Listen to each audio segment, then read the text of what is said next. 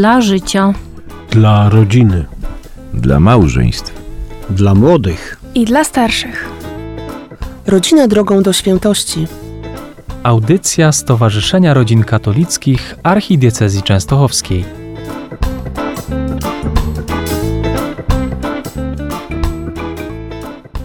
Szczęść Boże. Stowarzyszenie Rodzin Katolickich Archidiecezji Częstochowskiej wita na kolejnej audycji poświęconej rodzinie. Dzisiaj mamy tutaj szczególnego gościa, księdza profesora Pawła Bortkiewicza. Może krótko tutaj przedstawię osobę. Ksiądz jest teologiem, etykiem, profesorem nauk teologicznych, specjalizujący się w zakresie teologii moralnej, tak? Tak jest. W latach 2002-2008 dziekan Wydziału Teologicznego Uniwersytetu imienia Adama Mickiewicza, dyrektor Centrum Etyki Uniwersytetu w Poznaniu, członek Komitetu Nauk Teologicznych Polskiej Akademii Nauk, członek Rady Programowej Centrum Jana Pawła II Nie lękajcie się i redaktor naczelny miesięcznika biblijno-liturgicznego Msza Święta. Od 22 roku członek Akademii Kopernikańskiej w Warszawie. Proszę księdza, tak? Nie pomyliłem? Mniej więcej? Y, Niektóre z tych y, informacji mają już charakter na szczęście historyczny, bo całości pewno tych zadań bym nie zdołał unieść w tej chwili, ale dziękuję za przypomnienie. To pozwoliło mi troszeczkę powędrować wspomnieniami. Dobrze, ale to pokazuje, że doświadczenie księdza profesora jest ogromne i z tego właśnie chcemy skorzystać, z tej doświadczenia i, i wiedzy. I oczywiście y, dalej jeszcze jest Krzysztof Wójcik z parafii świętego Marcina w Kumnicach. i Andrzej Borkowski, parafia świętego Stanisława Biskupa Męczennika w Witkowicach.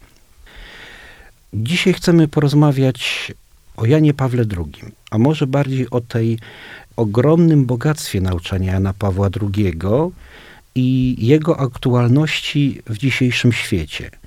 Bo z jednej strony wiemy, że są tendencje, które mają na celu podważenie tego nauczania i samej wiarygodności, a z drugiej strony jakby czujemy, że no, tych lat już trochę minęło od obecności tutaj na świecie Jana Pawła II i tak jak tu jesteśmy, rozmawialiśmy, że wszyscy mamy jakiś ogromny, jakby to powiedzieć, dług, czy Zobowiązanie. zobowiązanie i jakąś taką pamięć wielką do tego, co przekazał nam Jan Paweł II. Również na tej płaszczyźnie osobistej. To, I może zanim będziemy prosić jakby o przybliżenie nauk czy potrzeby e, poszerzenia, to może jakby podzielimy się taką osobistą refleksją, co nam najbardziej utkwiło, co nam dało, budowało naszą wiarę.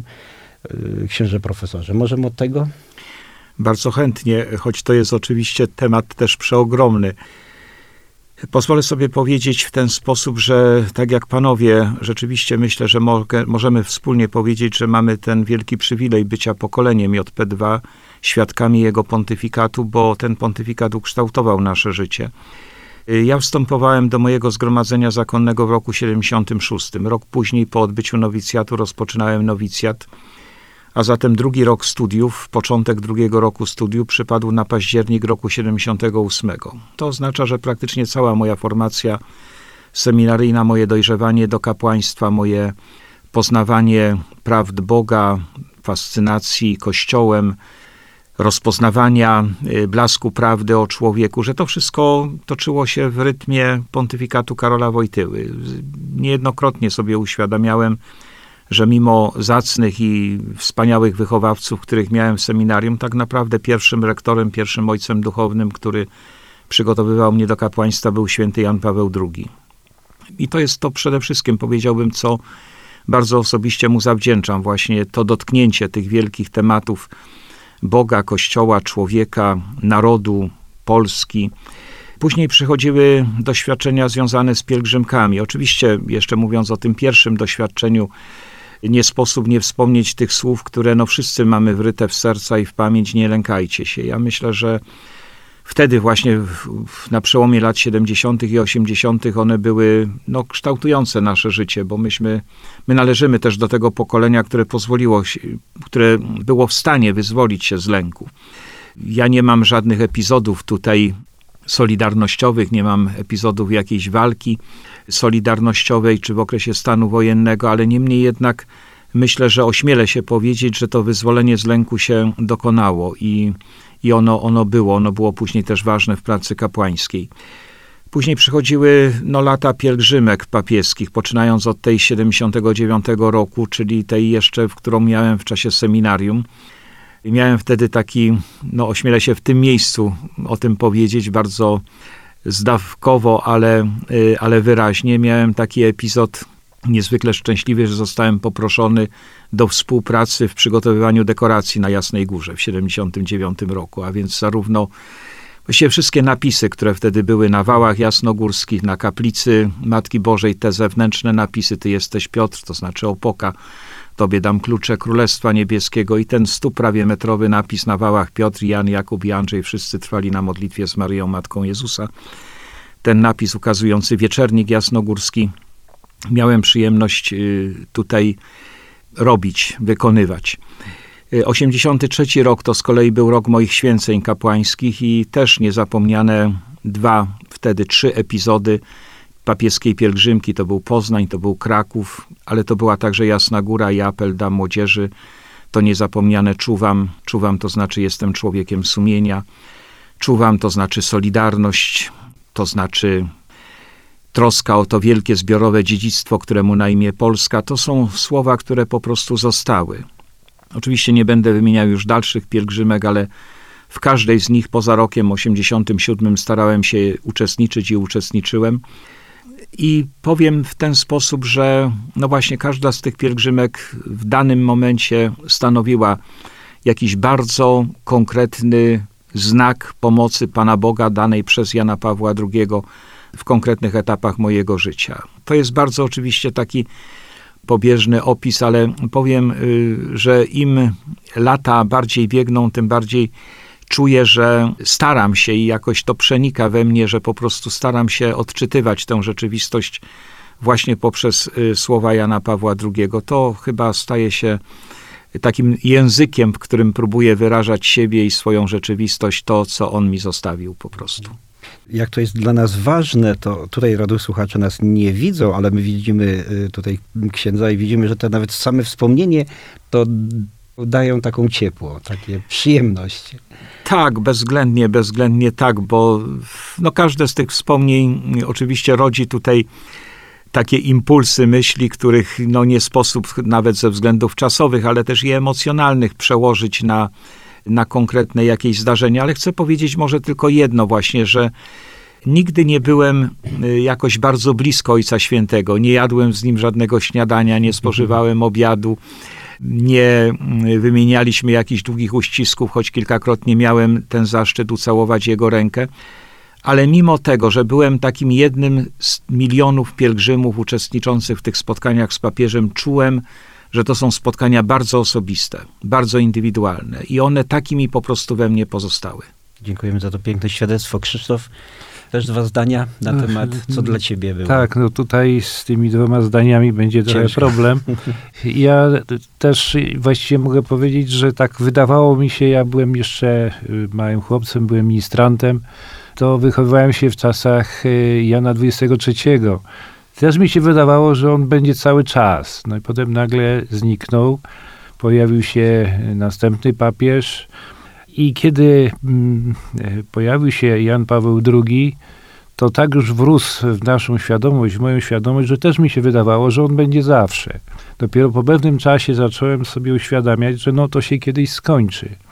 Bardzo mi tutaj pomogło e, takie zdanie z tryptyku rzymskiego: Przemijanie ma sens. Czyli trzeba było sobie uświadomić, że każda chwila jest niepowtarzalna i trzeba ją cenić jako jedną z zawsze najcenniejszą, bo to tu i teraz może być tym najcenniejszym, może być jedynym, powiedzmy, momentem, który się więcej nie powtórzy. E, druga rzecz y, pojawiła się wtedy, kiedy też zmarł mój ojciec, znacznie wcześniej a później mama uświadomiła sobie, że no też zostałem nagle sam, prawda? że nagle ja teraz odpowiadam za wszystko, ale też y, dostałem spuściznę.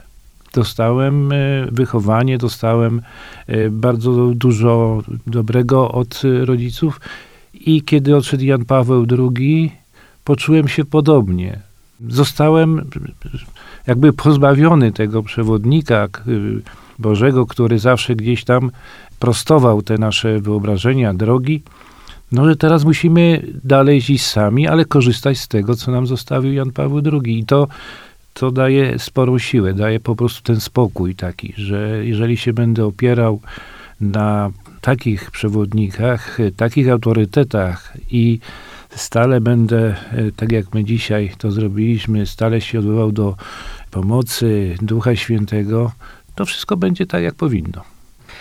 Oczywiście my tu z Krzysztofem jadąc samochodem też już dużo o tym rozmawialiśmy, o Janie Pawle II, że tak wiele dla nas znaczy. Ja tylko może e, dwa takie momenty bym przypomniał. E, jako student oczywiście byliśmy na spotkaniach z papieżem i byliśmy w Gdańsku, oczywiście jako młodzieniec, no to Westerplatte, więc to, to się nie da zapomnieć. To było tak mocne i, i tu ksiądz mówił, że no nie mamy tych epizodów walki, ale mówienie o tym, że każdy ma Westerplatte, to zostaje coś takiego, że zawsze mamy o co walczyć. No i wie, mamy świadomość, że mieliśmy o co walczyć, mamy o co walczyć i będziemy mieli o co walczyć. Są takie wartości, system wartości, które potrzeba, żebyśmy tam byli i trwali. Druga rzecz to dla mnie osobiście bardzo duże znaczenie miała adhortacja Christofideles Laici. Akurat kończyłem czas studiów i wchodziłem w dorosłość i ona tak trafiła w ten, ten czas, kiedy pokazywała, że nie może świeckich zabraknąć w różnych dziedzinach ja trochę może powiem, że za dużo tych dziedzin podejmowałem w pewnym etapie, bo tak no papież powiedział, to ja podejmowałem. Ale oczywiście trzeba mieć rozum i rozeznawać, co trzeba, a co jakby już jest za dużo. Ale rzeczywiście to było takie, takie posłanie w świat, że trzeba podejmować.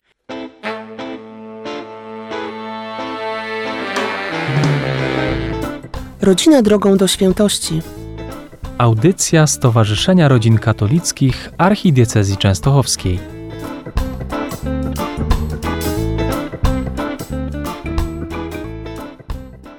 I może na tym y, jakby ten wątek osobisty, a teraz byśmy y, chcieli tak y, księdza profesora zapytać, no takie jedno z pytań, czy i dlaczego powinniśmy wracać do nauczania Jana Pawła II? Wiemy, że no, czas leci, są kolejni papieże, mają kolejne nauczanie, ale no właśnie, czy mamy wracać i dlaczego mamy wracać? Bezwzględnie powinniśmy wracać e, z kilku względów. Oczywiście, mówiąc o tym powrocie, e, trzeba pamiętać, że to nie jest tak, że stawiamy tutaj Jana Pawła jako, jako jedynego papieża w dziejach. Nawet nie ośmielałbym się tutaj dokonywać jakiegoś rankingu, czy to był tak. papież największy, czy, czy nie, ale to jest papież naszych czasów, to jest papież naszej epoki, który wyjątkowo trafnie i profetycznie oceniał naszą rzeczywistość. E, pan wspomniał o adhortacji Christi Fideles Laici. Właściwie każdy z dokumentów papieskich rozpoczynał się od takiej diagnozy znaków czasu. Co jest nadzieją i co jest zagrożeniem naszej współczesności. Papież genialnie to y, mapował, mówiąc dzisiejszym językiem. Dokonywał y, analizy tych znaków czasu, pokazywał, które są rzeczywiście nadzieją, które są zagrożeniem. I ta diagnoza nie przeminęła.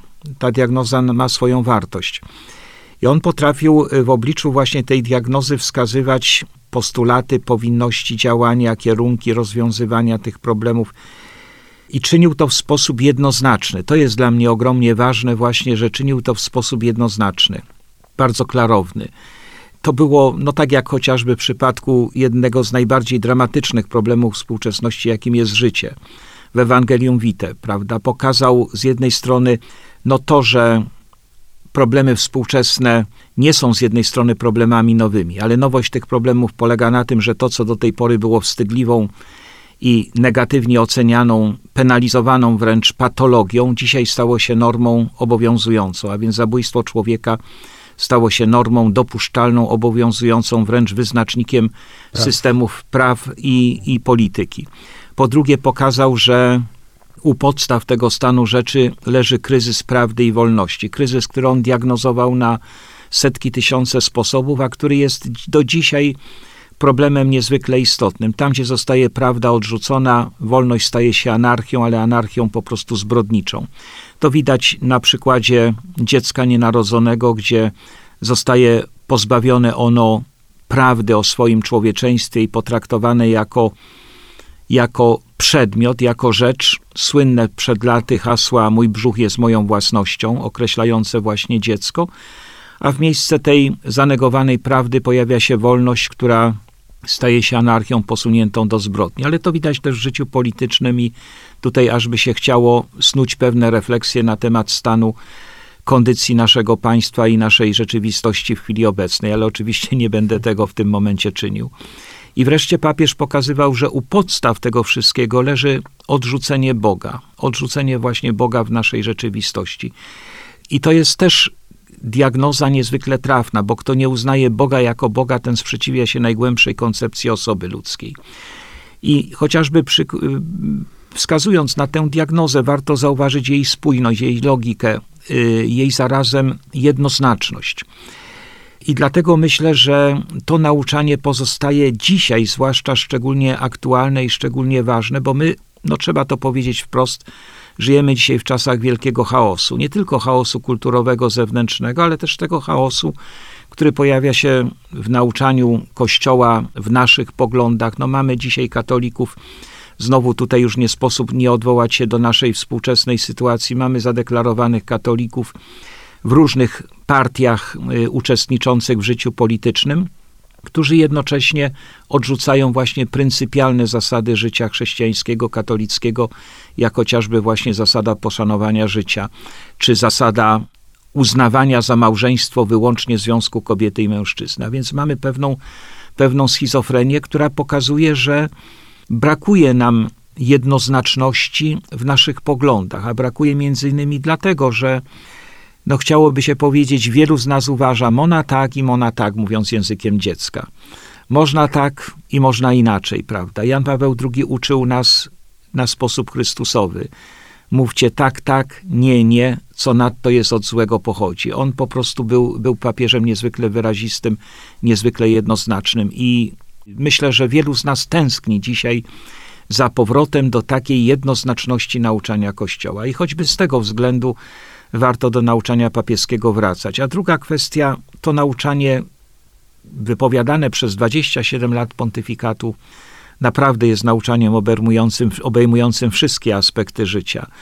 Także te, które dzisiaj wydają się zupełnie nowatorskie. Przecież mówił papież o ekologii, mówił o problemie migrantów, chociażby w adhortacji Ecclesia in Europa mówił o tym, że obowiązuje nas kultura gościnności, otwartości wobec migrantów, ale zarazem zaznaczał, że do roli każdego z rządów należy w ramach roztropnej troski o dobro wspólne troska właśnie o powierzony sobie naród, a w związku z tym eliminowanie nadużyć, które wiążą się właśnie z problemami emigracji. A więc określał bardzo jasno, z jednej strony kultura otwartości, ale z drugiej strony kładł bardzo wyraźne granice zabezpieczające realną praworządność naprawdę cokolwiek dzisiaj y, potrzebujemy do rozpoznania, warto po prostu sięgać do tego nauczania, bo tam znajdujemy bardzo czytelne wskazówki.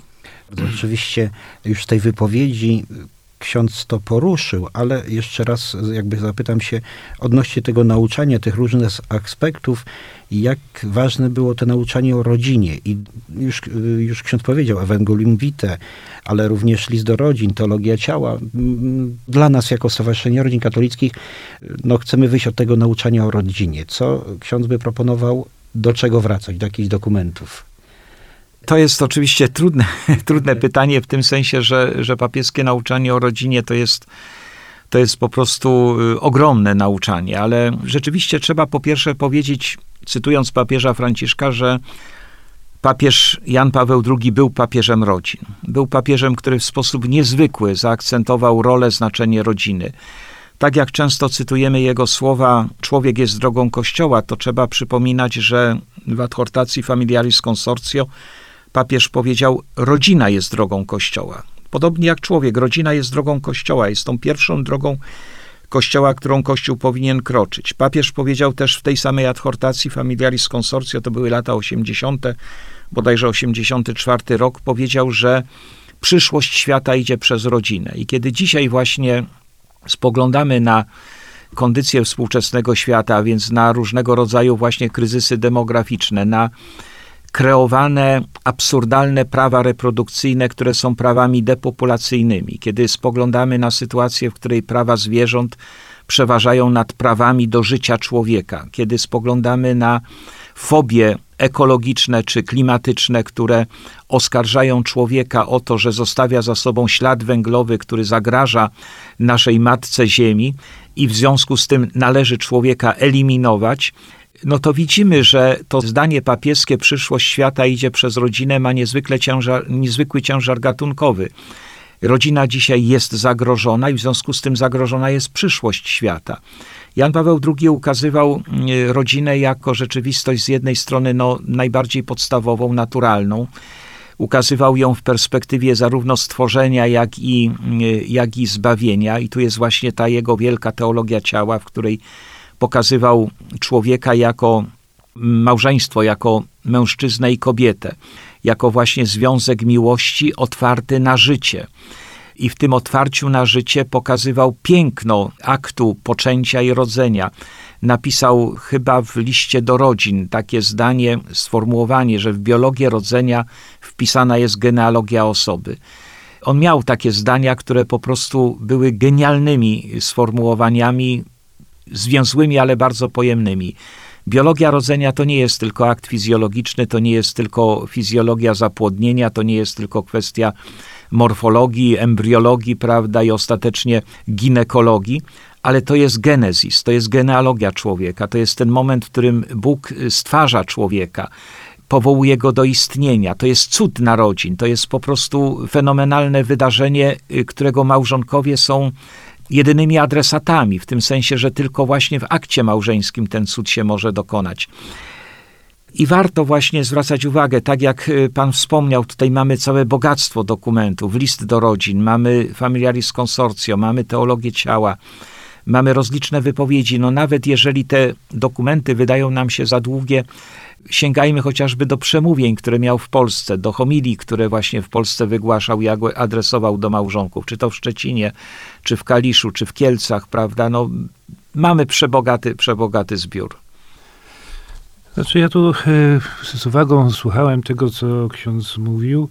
E, ja tylko bym chciał dopowiedzieć, że ja akurat e, z wykształcenia jestem umysł ścisły i bardzo mi imponowała precyzja wypowiedzi Jana Pawła II. Ta jednoznaczność, o której ksiądz mówił, ale równocześnie precyzja. I między innymi właśnie przy tych wypowiedziach na temat rodziny to wyraźnie widać. Tu nie ma jakby marginesu, jakby pola do jakiejś nadinterpretacji, jak to takie modne słowo w tej chwili występuje. I właściwie już po śmierci Jana Pawła II wielokrotnie ludzie Kościoła też się wypowiadali i nieraz coś padło takiego może mniej zręcznego i wtedy przypominano, no Jan Paweł II by tak nie powiedział. Jan Paweł II by to tak powiedział, żeby wszyscy zrozumieli. Nikt by nie, e, nie uważał, że jest wykluczony, prawda? Więc tutaj też e, wydaje mi się, że warto pamiętać o tym, że możemy czerpać z tego, ponieważ możemy już mieć zaufanie. To jest ten prawdziwy autorytet, który, no, który się nie zdezaktualizuje.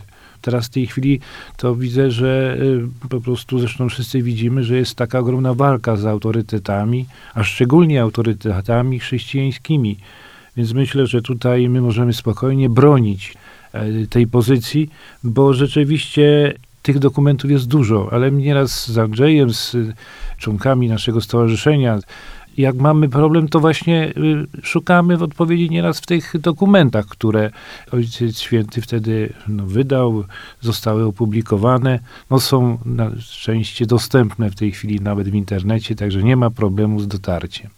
Tak, pełna zgoda i bardzo dziękuję za tę refleksję o autorytecie, bo myślę, że to jest też kwestia niezwykle niezwykle dzisiaj ważna. Jeżeli weźmiemy pod lupę, powiedzmy, to nauczanie papieskie, gdybyśmy, nie jestem tutaj specjalistą, ale myślę, że gdybyśmy to przełożyli na język takiej sformalizowanej logiki, takiej wręcz matematycznej, to okaże się, że to jest nauczanie, tak jak pan wspomniał, niezwykle spójne, bardzo logiczne, nie dające się po prostu podważyć. I dlatego nie sposób z nim polemizować, w tym sensie, że nie sposób powiedzieć, no ale ale jednak no, papież tutaj nie miał racji, bo, y, bo na przykład no właśnie popełnił tutaj jakiś błąd logiczny, czy błąd wynikania, czy błąd, błąd jakiejś zależności. Nie, tego się nie da zrobić. Więc w związku z czym, żeby odrzucić to nauczanie, nie sposób wykazać mu błędu, dlaczego ata- dlatego atakuje się osobę Jana Pawła. I oczywiście atakuje się przypisując mu czyny niepopełnione, ale żeby go zdyskredytować, no jak gdyby po prostu powiedzieć, no ten człowiek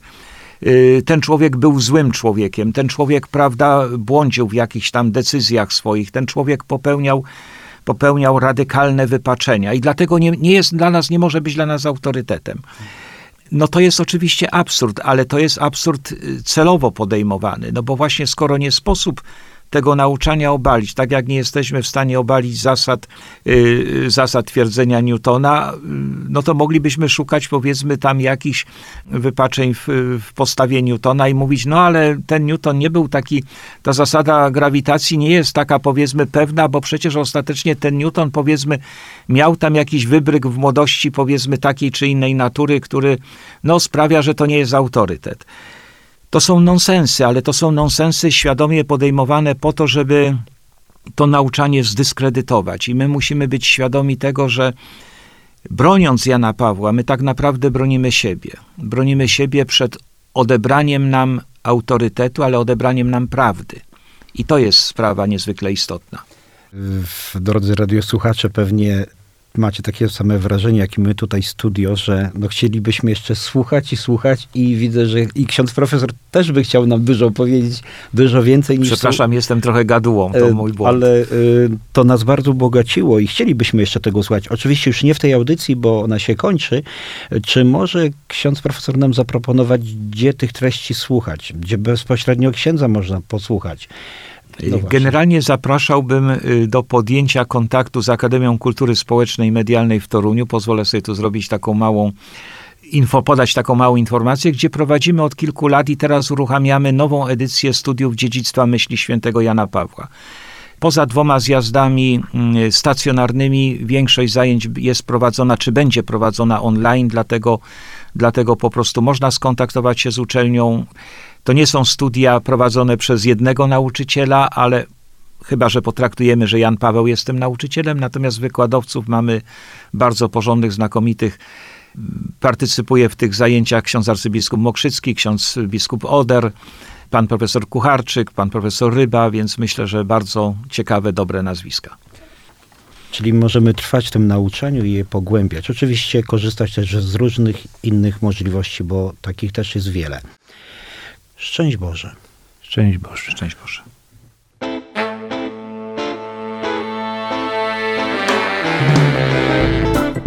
Dla życia. Dla rodziny. Dla małżeństw. Dla młodych. I dla starszych. Rodzina drogą do świętości.